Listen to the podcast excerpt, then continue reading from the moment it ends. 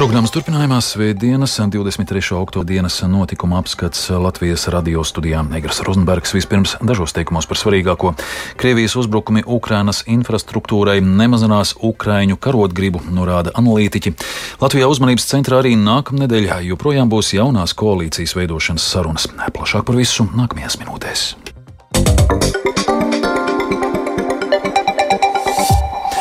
Krievijas uzbrukumi Ukrainas infrastruktūrai radīs valstī ekonomiskas un humanitāras grūtības, taču tas nemazinās Ukraiņu karotgribu.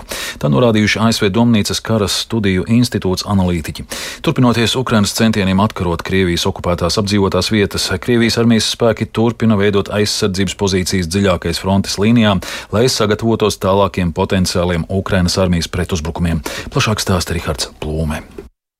Ukrainas armijas ģenerālštāps šorīt vēstīja, ka pēdējās dienas laikā atvērījis vismaz astoņus Krievijas armijas uzbrukumus apdzīvotu vietu apkārtnē.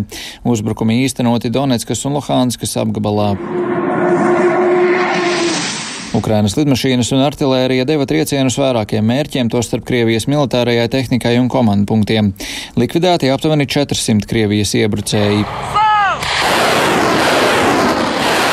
Tikmēr Krievija esot veikusi vairāk nekā 30 raķešu un 25 gaisa triecienus. Arī aizvadītā nakts un šis rīts nav bijis izņēmums, un vairākās Ukrainas vietās notikuši Krievijas uzbrukumi. Apšaudē Nikopolis apkārtnē ievainoti vismaz pieci cilvēki, apšaudīta tika arī Mikolaiva, sagrojot divas dzīvojamās augstceltnes, siltumtrasi un rotaļu laukumu. Ukrainas prezidents Valdemirs Zelenskis uzsvēris, lai gan visas Krievijas raķetes notriekt nav iespējams, ar partneru palīdzību tas varētu izdoties.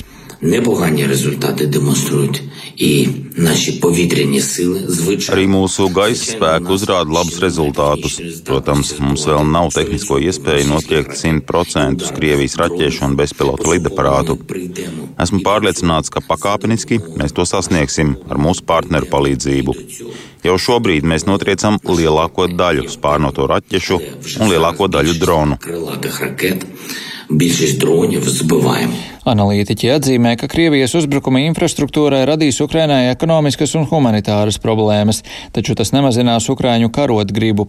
Ziemu Ukraina sagaida ar bažām. Optimistiskas cerības viesusi Ukrainas hidrometeoroloģijas centra direktore Mikola Kulbida. Viņa šodien norādījusi, ka barga ziema ar ilgstošiem augstuma periodiem esot maz iespējama. Vidējā temperatūra Ukrainā šoziem varētu būt nedaudz virs normas. Arī citi Ukrainas eksperti bargu ziemu Ukrainā neparedz, bet bet atsevišķi norāda, ka tā varētu būt silta. Turpinoties Ukrainas armijas centieniem atkarot jaunas apdzīvotās vietas, Ukrainas armijas pārstāve Natālija Gumeņuka šodien izteicās, ka Ukrainas bruņotie spēki turpina spiest frontes līniju uz priekšu Hersonas virzienā. Krievijas spēki joprojām koncentrē spēkus kreisajā krastā un esot ļoti stingri ieķērušies aizsardzības līniju aizmugurē. Tikmēr Donetskas apgabalā Ukrainas spēku atbrīvotajā Limanā iedzīvotājiem dzīve joprojām ir grūta. Viņi aizvien ir pilnībā atkarīgi no pārtikas palīdzības. Visā ciematā darbojas viens ģenerators. Pilsēta ir smagi cietusi un atjaunot to nebūs viegli. Pesimistiska bija arī kāda limenā sastaptā pensionāre. Nu, Pēc šāda posta es domāju, ka maz ticams, ka te kaut kas izdosies. Pagaidām nezinu. Ja nu te kādas brigādes atved vai kādus citus spēkus, tad varbūt varētu sanākt, bet tā jau kopš marta esam bez ūdens un gaismas.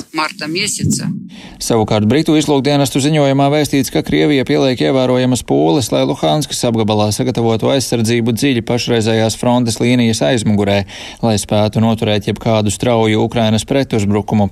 Iepriekš militārā uzņēmuma Wagner īpašnieks Evgenijs Prigožins paziņoja, ka viņa komanda būvē lielu nocietinātu Wagnera līniju Krievijas okupētajā Luhanskas apgabalā. Situāciju Ukrainā šodien telefoniski pārunājuši vairāku valstu aizsardzības ministri. Krievijas aizsardzības ministrs Sergejs Šoigu šodien sazinājies gan ar Francijas, gan Turcijas aizsardzības ministru. Šīs sarunas seko nesen notikušajam telefona zvanam starp Krievijas un ASV aizsardzības ministriem, kas bija tikai otrā šāda saruna kopš 24. februāra. Rihards Plūme, Latvijas radio. Arheoloģiskajā izpētē bijušās fotonama ēkas renovācijas laikā vecerīgā Mārstaļu ielā 6, kur nākamgad pārcelsies Rakstniecības un mūzikas muzejs, atklātas vērtīgas liecības par Latvijas senvēsturi. Neapbūvētā iekšpagalmā arheologi uzdūrušies kultūras lānim, kura apakšējā daļa vēsta par laiku pirms vācu krustnešu ienākšanas, kad Rīgas vietā bija tikai līvu apmetne. Plašāk ievas puķis sižetā. Ēkā Mārstaļa ielā 6 šobrīd notiek būvdarbi, lai tur varētu iekārtot Rakstniecības mūzikas muzeja pastāvīgo ekspozīciju. Starp ēku pamatu mūriem pagraba līmenī, 3 metru dziļumā, arheologi uzdūrās iepriekš neizpētītam 2 metrus biezam kultūras lānim. Tas bija lieliski saglabājies, kas vecrīgā tagad ir retums, stāsta arheoloģisko darbu vadītājs Artūrs Tomsons. Vecīgā lielākoties arheologi saskarās ar vēlo viduslaiku, agro jauno laiku kultūras lāni, tas ir nu zviedru laika. Bet šeit, šajā adresē, tas, kas bija saglabājies, datējums ir visai e, agri. Pāris keramikas veidi ļauj domāt, ka mums ir darīšana ar 12. un 13. gadsimtu vai nedaudz pēc tam, kad šie priekšmeti lausku veidā nonāk zemē. Grezni ir otrā tā keramika, ja, kas rodas Nīderlandē, pēc tam ir kādu laiku Dānijā gatavos. Mums ir bijusi iespēja pieskarties noteikti Rīgas pirmsākumiem. Kas bija interesanti, mums ir uh, trīsžuburu dzels dakša ar visu koka kātu, kas bija nevis nolauzts, bet saglabājies pilnā garumā, kas ir uh, nu, ļoti unikāli. Otrs foršs atradums ir, ir uh, dzēņa dēlis, uz kā sēž draunieks un vēl sev kokā, un mēs zinām, ne, ka pirmās atcelšanās pret krustnešiem tieši dēļ bišu kokiem, kur vasks un medus ir milzīgs pēļņas avots vietējiem, un nu tad attiecīgi notiek visi šie 1212. gada notikumi. Mārstaļa ielas sastāvnama rekonstrukcijas projektu veidojas darbojas arhitektu birojas Krasts, atjaunošanas darbus veids būvkompānija UPB, bet to pasūtītāji ir valsts akciju sabiedrība valsts nekustamie īpašumi. Tās pārstāvja Jēna Gavrilova stāsta. Vēstures avotos šī ēka minēta jau 1785. gadā. 19. gadsimtā tās apakšstāvā bijusi tirzniecības iestāde, bet augšā dzīvokļi, vai arī pati ēka glabā būtiskas vēstures liecības, runāja Jēna Gavrilova. Tas ir izcils baroka klasicisma laikmetā būves piemineklis un planojums ir saglabāts no 1905. gada. Greznais ar rokoko detaļām veidotas portāls ir valsts nozīmes mākslas piemineklis attiec 1823. gadu. Un, protams, mēs meklējam risinājumus, lai to vēsturisko mantojumu, kas jāiespēja robežās integrētu jaunajā Paredzams, ka nākamā gada otrajā pusē šeit durvis vērs ne tikai rakstniecības un mūzikas muzeja pastāvīgā ekspozīcija, bet arī izstāžu zāle un labiekārtots pagalms radošiem pasākumiem. Ieva Puķa, Latvijas radio. Nākamās nedēļas fokusā Latvijā joprojām būs koalīcijas veidošanas sarunas pēc 1. oktobra saimas vēlēšanām. Sarunas vada jaunā vienotība, kam izdevās iegūt visvairāk balsu, un tās līderis premjerministrs Krišjānis Kariņš. Vairāk par šo un citām jaunās nedēļas aktualitātēm turpina Ieva Puķa puķe. Koalīcijas veidošanas sarunās līdz šim izkristalizējies, ka jauno valdību varētu veidot trīs politiskie spēki - jaunā vienotība, Nacionālā apvienība un apvienotais saraksts. Bet jaunā vienotība tomēr atbalsta plašāku koalīciju kopā ar progresīvajiem un aicina īpaši rūpīgi izvērtēt saimnes jaunpienācēju nolūkus un ambīcijas, runā Krišjānis Kariņš es nevaru pieļaut to, ka nākamā valdība jebkādā veidā ielikt atpakaļgaitā eh, daudz ko, kas jau ir izdarīts. Apturēt vai, vai atgriezt dažādas reformas atpakaļ pagātnē. Viens otrs varbūt vēl ir iedomājies, ka politika ir vieta, kur šaurām interesēm izpausties. Pirmdien Rīgas pilsētas pārdaugavas tiesā skatīs kriminālu lietu, kurā par 135 tūkstošu eiro kukuļa piesvināšanos apsūdzēts trīs personas. Arī kādreizējais korupcijas novēršanas un apkarošanas biroja priekšsēdētājs priekšnieks Normunds Vilnītis. Otradien saimā iztirzās valsts kontrolas revīzijas materiālus, vai bērnam ar uzvedības problēmām un tā ģimenei ir iespēja saņemt nepieciešamo atbalstu. Bet Labklājības ministrija sadarbībā ar Norvēģijas vēstniecību Latvijā Kruspils kultūras centrā Jēkabpilī rīkos tematisko kinovakaru, lai vairotu izpratni par cilvēkiem ar garīga rakstura traucējumiem.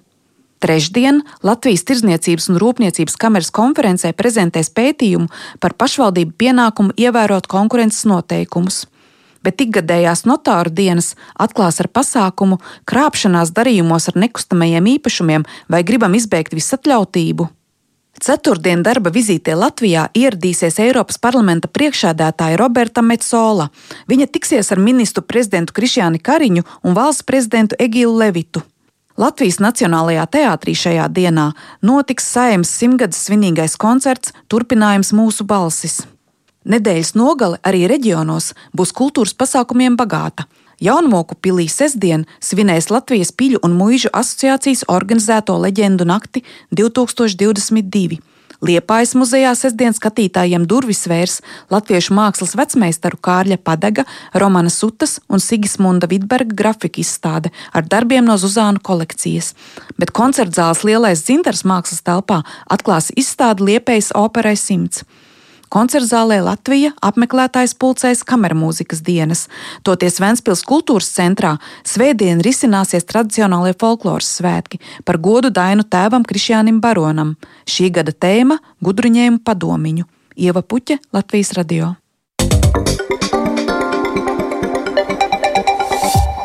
Latvijas futbola čempionātā šodien norisinājās vairākas spraigas cīņas. Savukārt mājās šodien atgriežas Latvijas bokseris, kurš izcīnīja čempiona titulu, bet uzvarētāja jostu viņam atņēma. Vairāk par sporta aktualitātēm pastāstīs Lotārs Zariņš. Sveiks, Lotār! Jā, sveiks, Aigar, un sveiki, klausītāji!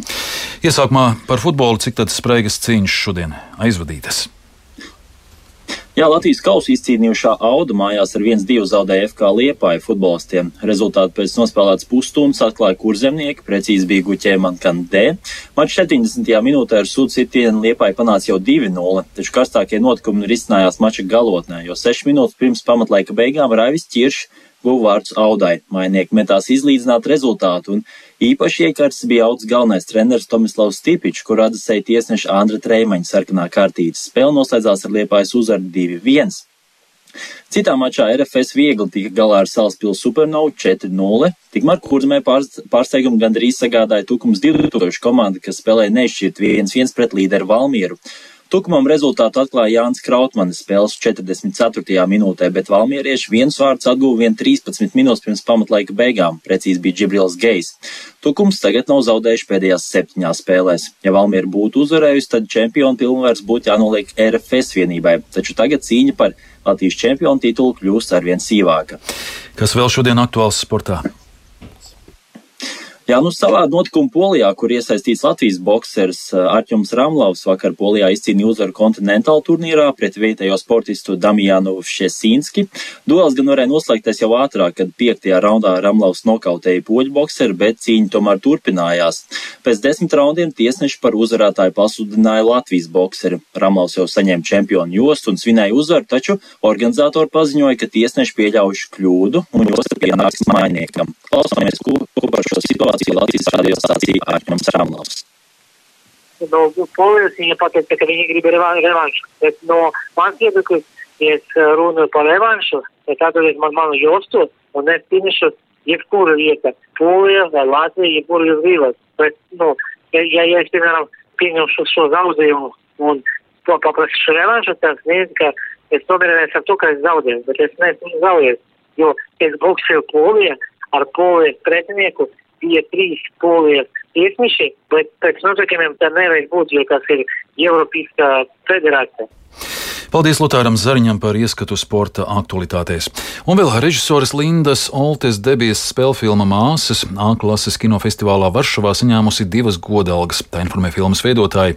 Filma godalgota kā labākā filma konkursā 1-2, kas veltīts režisoru pirmajām un otrajām filmām, kā arī iegūsi startautiskās kino kritiķu žūrijas FIPRESCI balvu par labāko Austrumu Eiropas debiju. Filma Māsas ir sociāla ģimenes drāma par bērnamā uzaugušām māsām Anastasiju un Diānu, kurām tiešām pavērs iespēju tikt adoptētām amerikāņu ģimenē. Deviņgadīgā Diana ir laimīga, ka viņai beidzot būs īsta ģimene, bet 13-gadīgā Anastasija nolēma darīt visu, lai atrastu savu bioloģisko māti. Dzirdējāt 23. oktobra dienas notikumu apskatu producents Edgars Kupčs par skanējumu rūpējās Rita Karnača un Kaspars Groskops. Studijā Egars Rozenbergs vēlreiz par svarīgāko. Krievijas uzbrukumi Ukrainas infrastruktūrai nemazinās Ukraiņu karotgribu, norāda analītiķi. Latvijā uzmanības centrā arī nākamnedēļ joprojām būs jaunās koalīcijas veidošanas sarunas. Mūsu ziņām var sekot līdzi arī Latvijas Radio 1 Facebook lapā un LSMLV. Raidījuma atkārtojums meklējams raidierakstu platformā kā dienas ziņas un Latvijas radio lietotnē mūs var klausīties savā vietā, runī, jebkurā laikā, jebkurā vietā. Yeah.